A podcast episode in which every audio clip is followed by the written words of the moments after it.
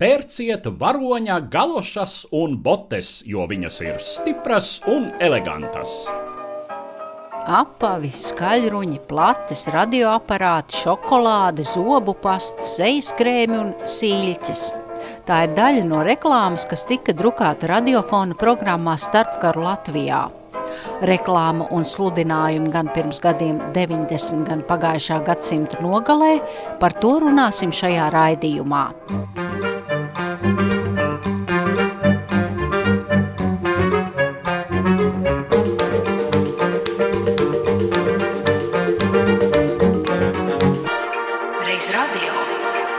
Reiz radio ar šodienas skatu pagātnē.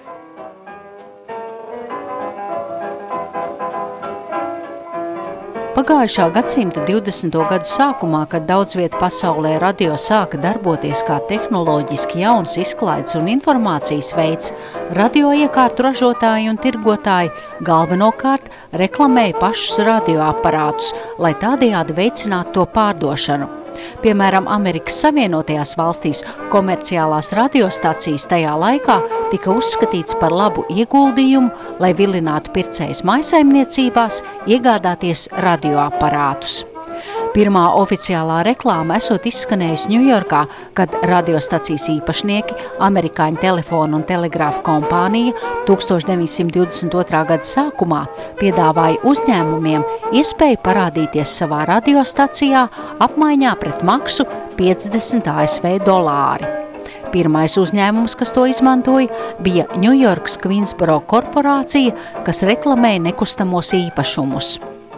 Kad un kāda reklāma pirmo reizi ir izskanējusi toreizējā Rīgas radiofonā, nav zināms, jo radiofons tika izveidots kā valsts monopols, kura finansēšanas modelis bija abonentu maksas.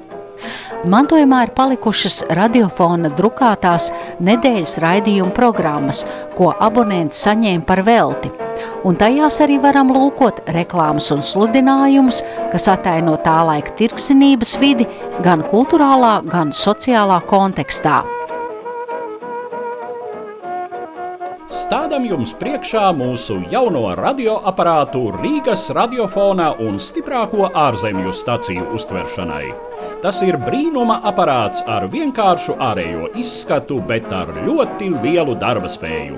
Viņa speciālā šēma dod tam ļoti labu selektivitāti un par stipru skaļruņa uztveršanu galvo Filips Pentode 443, kurā katra radio draugam pazīstama kā brīnums radiotehnikā. Filips Skaļruņi radio super jaunākā sensācija. Bez gaisa antenas, bez baterijām, tieši no elektriskās apgaismošanas tīkla uztver visas Eiropas stacijas. Tīrskanīgi un skaidri skaļruņi, garantēta vietējā raidītāja izslēgšana. Pirms iegādājieties aparātu, paklausieties mūsējos. Glīts izstrādājums, cenas ārpus konkurences, izdevīgi maksāšanas noteikumi. Šādas reklāmas tika drukātas radioprogrammā 1930. gadā, un vēl vairākus gadus pēc tam, kad jaunais runājošais medijs jau bija pazīstams visā Latvijā, reklāma neskanēja radio, bet gan presē, un mudināja ļaudis iegādāties minētos aparātus. Par to arī izvaicāju Latvijas radio bibliotekāri un arhivāri Sarmu Inzeri. Nu, faktiski jau radio tika pats reklamēts. Avīzēs, žurnālos, tai pašā žurnālā atpūta, jaunākās ziņas, noteikti rītā, varbūt vēl kādos citos preses izdevumos, jo tas bija kaut kas jauns tajā laikā, un to vajadzēja padarīt plaši pieejamu visiem sabiedrības slāņiem faktiski visplašāk reklāma bija izplatīta drukātajos medijos, un cilvēki iespējams, ka varbūt tam arī vairāk uzticējās. Pārsvarā reklamēja tieši savas valsts ražojumus. Nu, tās tēmas jau ir tādas pašas kā šodien - kosmētika, sadzīves tehnika, mode. Ja mēs šodien reizēm domājam un, un runājam, ka mums šīs reklāmas ir par daudz un ka viņa gāžas virsū no visurienes, tad paskatoties to, kā ir bijis varbūt 20. un 30. gados, es domāju, ka bija tieši tas pats. Un interesanti arī ir tas, ka 1928. gadā tika nodibināta Latvijas reklāmas apvienība. Mēs visu laiku domājam, ka vārds reklāma tas ir kaut kas mūsdienīgs, bet izrādās, ka nē, nemaz nav tā. Tas jau tad bija ļoti labi pazīstams. Tā kā radio tolaik ir jauna un moderna ierīce, tad svarīgi šo preci reklamēt kā kārtīgai ģimenei vajadzīgu priekšmetu. Kā 2010. gadā savā pētījumā par reklāmu presē starpkaru Latvijā rakstīja tagadējā Latvijas muzeja biedrības pārstāve Anna Balandina, tad pozicionēts kā labākas dzīves garants, modernās tehniskās ierīces nereti tiek reklamētas, izmantojot tradicionālās vērtības. Piemēram, 1935. gadā žurnālā atpūta publicētā radioaparātu veikala Pēters Bērziņš reklāma attēlo pāri, kurš bauda jaunā radio skanējumu, un reklāmas teksts vēstī – labs radio uztvērējs ir nepieciešams katrā ģimenē. Tālāk Anna Balandina turpina. Arī Latvijā starpkaru periods iezīmējas ar strauju reklāmas nozares attīstību. Bez reklāmas vairs nebija iedomājama arī latviešu rūpnieku un tirgotāju profesionālā darbība. Lai arī 20. gadsimta starpkara periods mediju vidē ienes nozīmīgas pārmaiņas, jo paralēli ierastajiem drukātajiem medijiem publikas mīlestību strauji iekaro arī kino un radio, 30. gados Latvijā šie jaunie mediji, kā reklamēšanās vietas, vēl nav ieguvuši tādu popularitāti kā Amerikā un citur Eiropā. Turklāt informācija par reklāmu izvietošanu radio un kino parādās tikai 30. gadu nogalē, kad radio vēl ar vien tiek dēvēts par brīnumkasti ar runājošām lampām. Par iedarbīgāko reklamēšanas veidu 30. gados Latvijā tiek uzskatīta preses reklāma, jo ar to bija iespējams aptvert visplašāko auditoriju. Tik tālu no muzeja biedrības komunikācijas speciālists Annas Balandinas veiktā pētījuma, bet tagad ieskats, ko tolaik reklamēja iknedēļas drukātajā radiofona programmā. Nostar galvas telefona mokām! Dakitron dod vislētāko skaļruņa uztveršanu bez antenas, bez dārgām anodu baterijām, bez skābes akumulatoriem un palīdz jums un jūsu viesiem ar dziesmām un dēļas mūziku jautri pakavēt laiku. Nivējā zobu pasta Vislabākā tīrīšanas spēja, tādēļ spīdoši balti zobi un pilnīga nekaitība vajadzētu jūs pārliecināt izvēlēties Nivea zobu pastu. Viņa smaigā, brīnišķīgi aromātiskā garša, ilgstošs svaigums, kuru viņa atstāja mutē, un zema cena - 75 centīmi par patiešām lielu tubu, ir tālākas priekšrocības, kuras jūs vienīgi atrodat Nivea zobu pastā.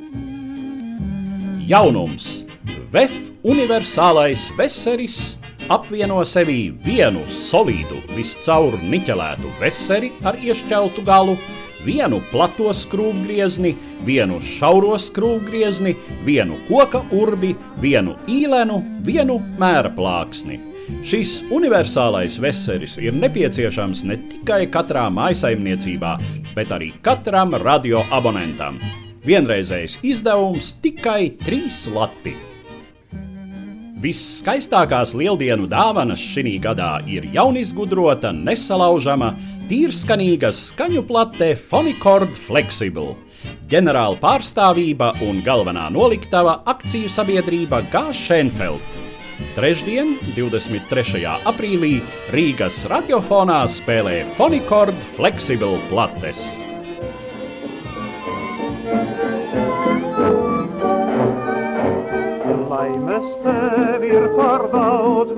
Vēlami, laimes tev daudz par daudz vēlami.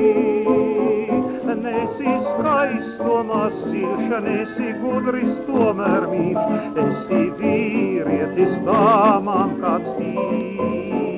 tavas sirds katru dienu citu mīl.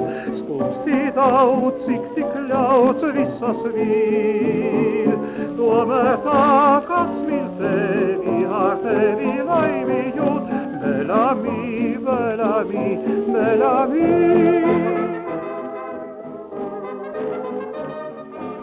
Turpinot šķirstīt radiofona programmu, kas tika laista klajā pagājušā gadsimta 30.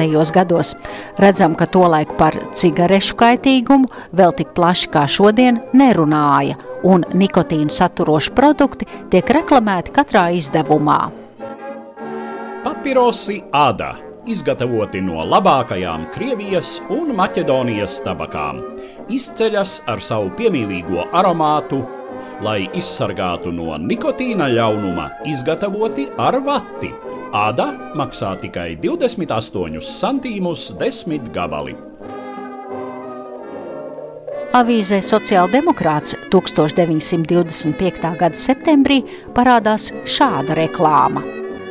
Tehniska progresa pēdējais vārds radio papirosu rūpniecībā. Maika par papirosi radio desmit gabali, desmit rubļu. Reiz radio. Tikpat regulāri katrā radioprogrammas izdevumā tiek reklamēti Askova liķieru fabrikas izstrādājumi. Vai vēsā rudenī, vai arī augstā ziemā, nāks prieks un jautrība pie tevis ciemā. Ja Askova liķieris būs uz galda, kur maigais upenīts, Tur līksme valda. Liķieru fabrikā M. Askov un Ko. Ar tādu pašu regularitāti katrā radiofona numurā tiek reklamētas saldumu lielražotāja Gegingera šokolādes konfektes. Gegingera Globstārs ir aizsargs Latvijā ražotai šokolādei. Īsts Latvijas ražojums ir Gegingera šokolāde. Gegingera šokolādes konfektes ekstrā ir pikantas un tamdēļ labo omu veicinošas. Mākoņu daudzums mainīgs un vēji grozīgi, bet pastāvīga turpretim labā garša Gegingera fondants šokolādei numur 5. No pašmairažotājiem, kā ilgadīgs reklāmdevējs, ir jāmin Arnolda Sērensena zivju konservi, tagad zinām kā zivju fabrika Kāja. Sudraba sīļķis vīkends atkal pārdošanā, sargaties no pakaļdarinājumiem. Tāda neliela reklāma lapas apakšpusē rotāja radiofona un vēlāk Hallo Latvija izdevumus. Līdzās lielo kompāniju reklāmām bagātīgi arī tika publicēti privāti sludinājumi, kurus tolaik pieņēma radiofona abonentu kantoris. Finierus visādos lielumos, radioaparātiem, sienu un griestu apsišanai, mēbeļu līstes, krēslu sēdekļus visādos musturos piedāvā Jānis Bērziņš Rīgā, ūdensvadu ielā numur 3 starp Grēcinieku un Peldu ielām. Romāna Sutas mākslas studija māca zīmēt un gleznot.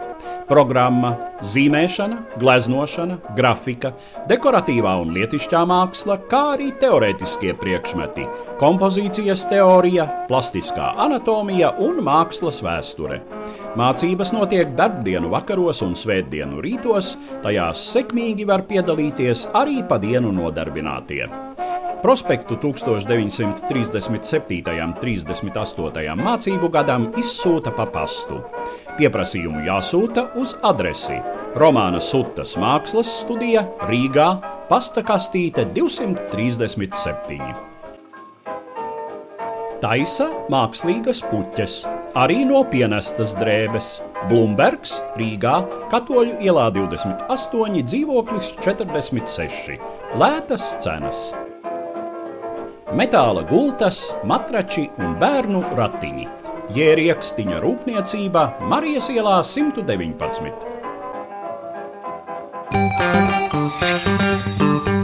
Reiz radio pārlecam pāri kara gadiem un padomju laikiem, kad tāds jēdziens reklāma bija aizmirsts un tikai 70. un 80. gados retumis žurnālos vai televīzijā sāka parādīties vārgi asni šai industrijai, un nonākam pagājušā gadsimta 90. gadu pašā sākumā.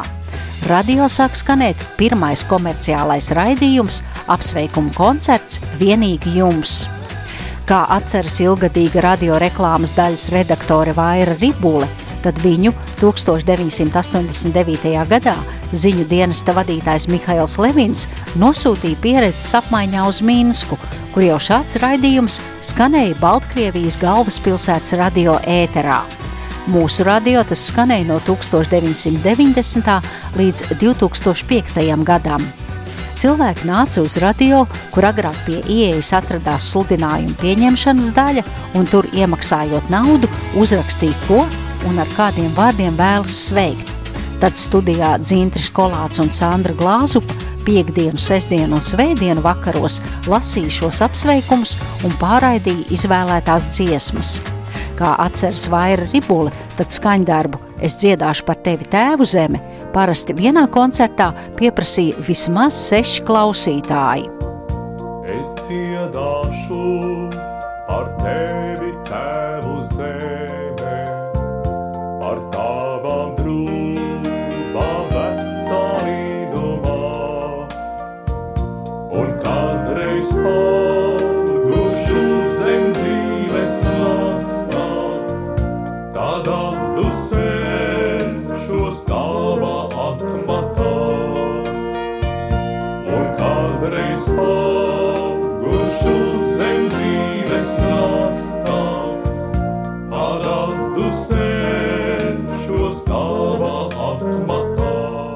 Sākumā radio izskanēja vienīgi sludinājumi, ko ēterā nolasīja diktori. Kā teica Vaira Rībule, pārsvarā tie bija kultūras pasākumi, kuros informēja par teātru izrādēm un koncertiem. Bet līdztekus tam arī sāka parādīties pirmā audio reklāma, kuras veidošanā roku pielika komponists, skaņu režisors un tagadējais Latvijas radio mūzikas redaktors Girts Bišs. Līdz tam es tā ar, ar reklāmu izgatavošanu e, nebiju saskāries, jo es, protams, biju vēl e, jaunos gados diezgan, man liekas, bija kādi 20 gadi vai 21 vai pat bišķiņ vairāk. Cik es tā atceros, tad Padomu Savienībā reklāmas e, vienīgais tika rādītas televīzijā šad un tad, un visi viņas gaidīja prieku, tāpēc, ka viņas vienmēr bija interesantas un jocīgas.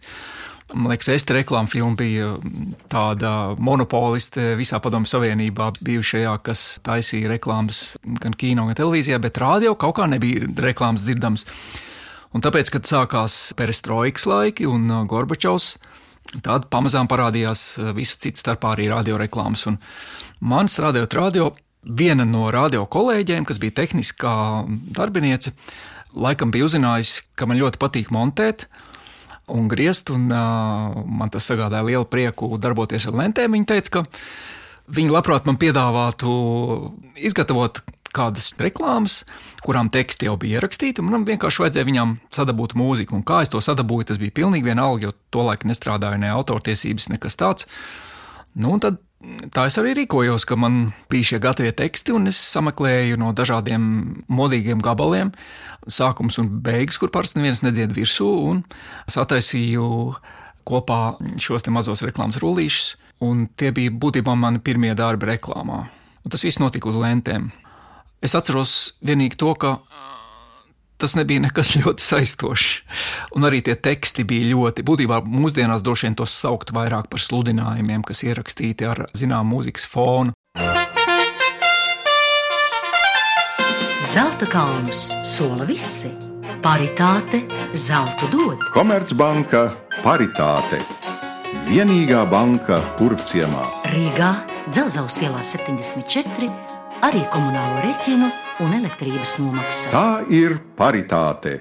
Ar tām reklāmas lietām bija tā, ka tas viss bija, protams, galīgi jauns visiem cilvēkiem. Un tas bija visiem arī savā ziņā interesanti. Un daudz kas tajā laikā, kas bija pārmaiņu laiks visādā ziņā, gan sociālā ziņā, gan tehniski, daudz bija jaunu, interesantu lietu.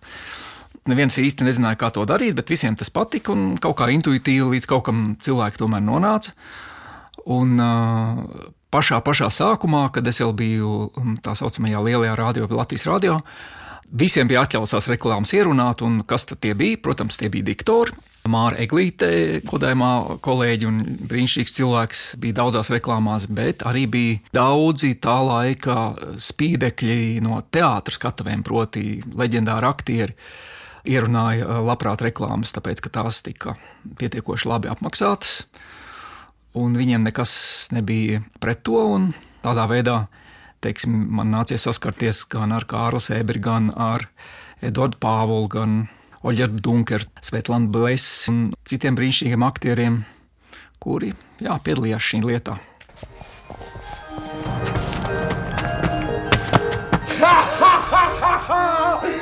Esmu bagāts! Es esmu bagātākais cilvēks Latvijā! Katru dienu man veikali ir izpirkti tukši! Izputējuši Millers, Zotis, Rastais Vimba un pat bagātais Čikolis! Mani laimīgie cipari! 5, 5, 8, 1, 4, 5 reklāmā! Man nebija pat graša kabatā! Reklāmām! Informācijas televīzijas reklāmas aģentūrā! Es stāvu bagāts! Ai, kungs, cik jūs esat ļāpīgs! Mans vīrs arī piezvanīs. Kaut es atcerētos!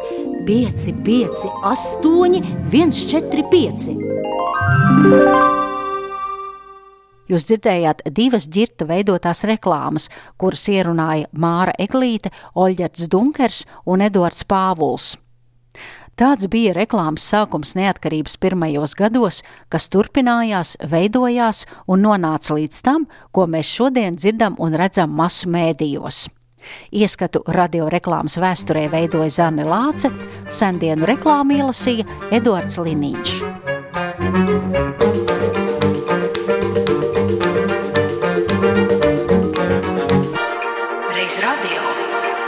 Reiz radio ar šodienas skatu pagātnē.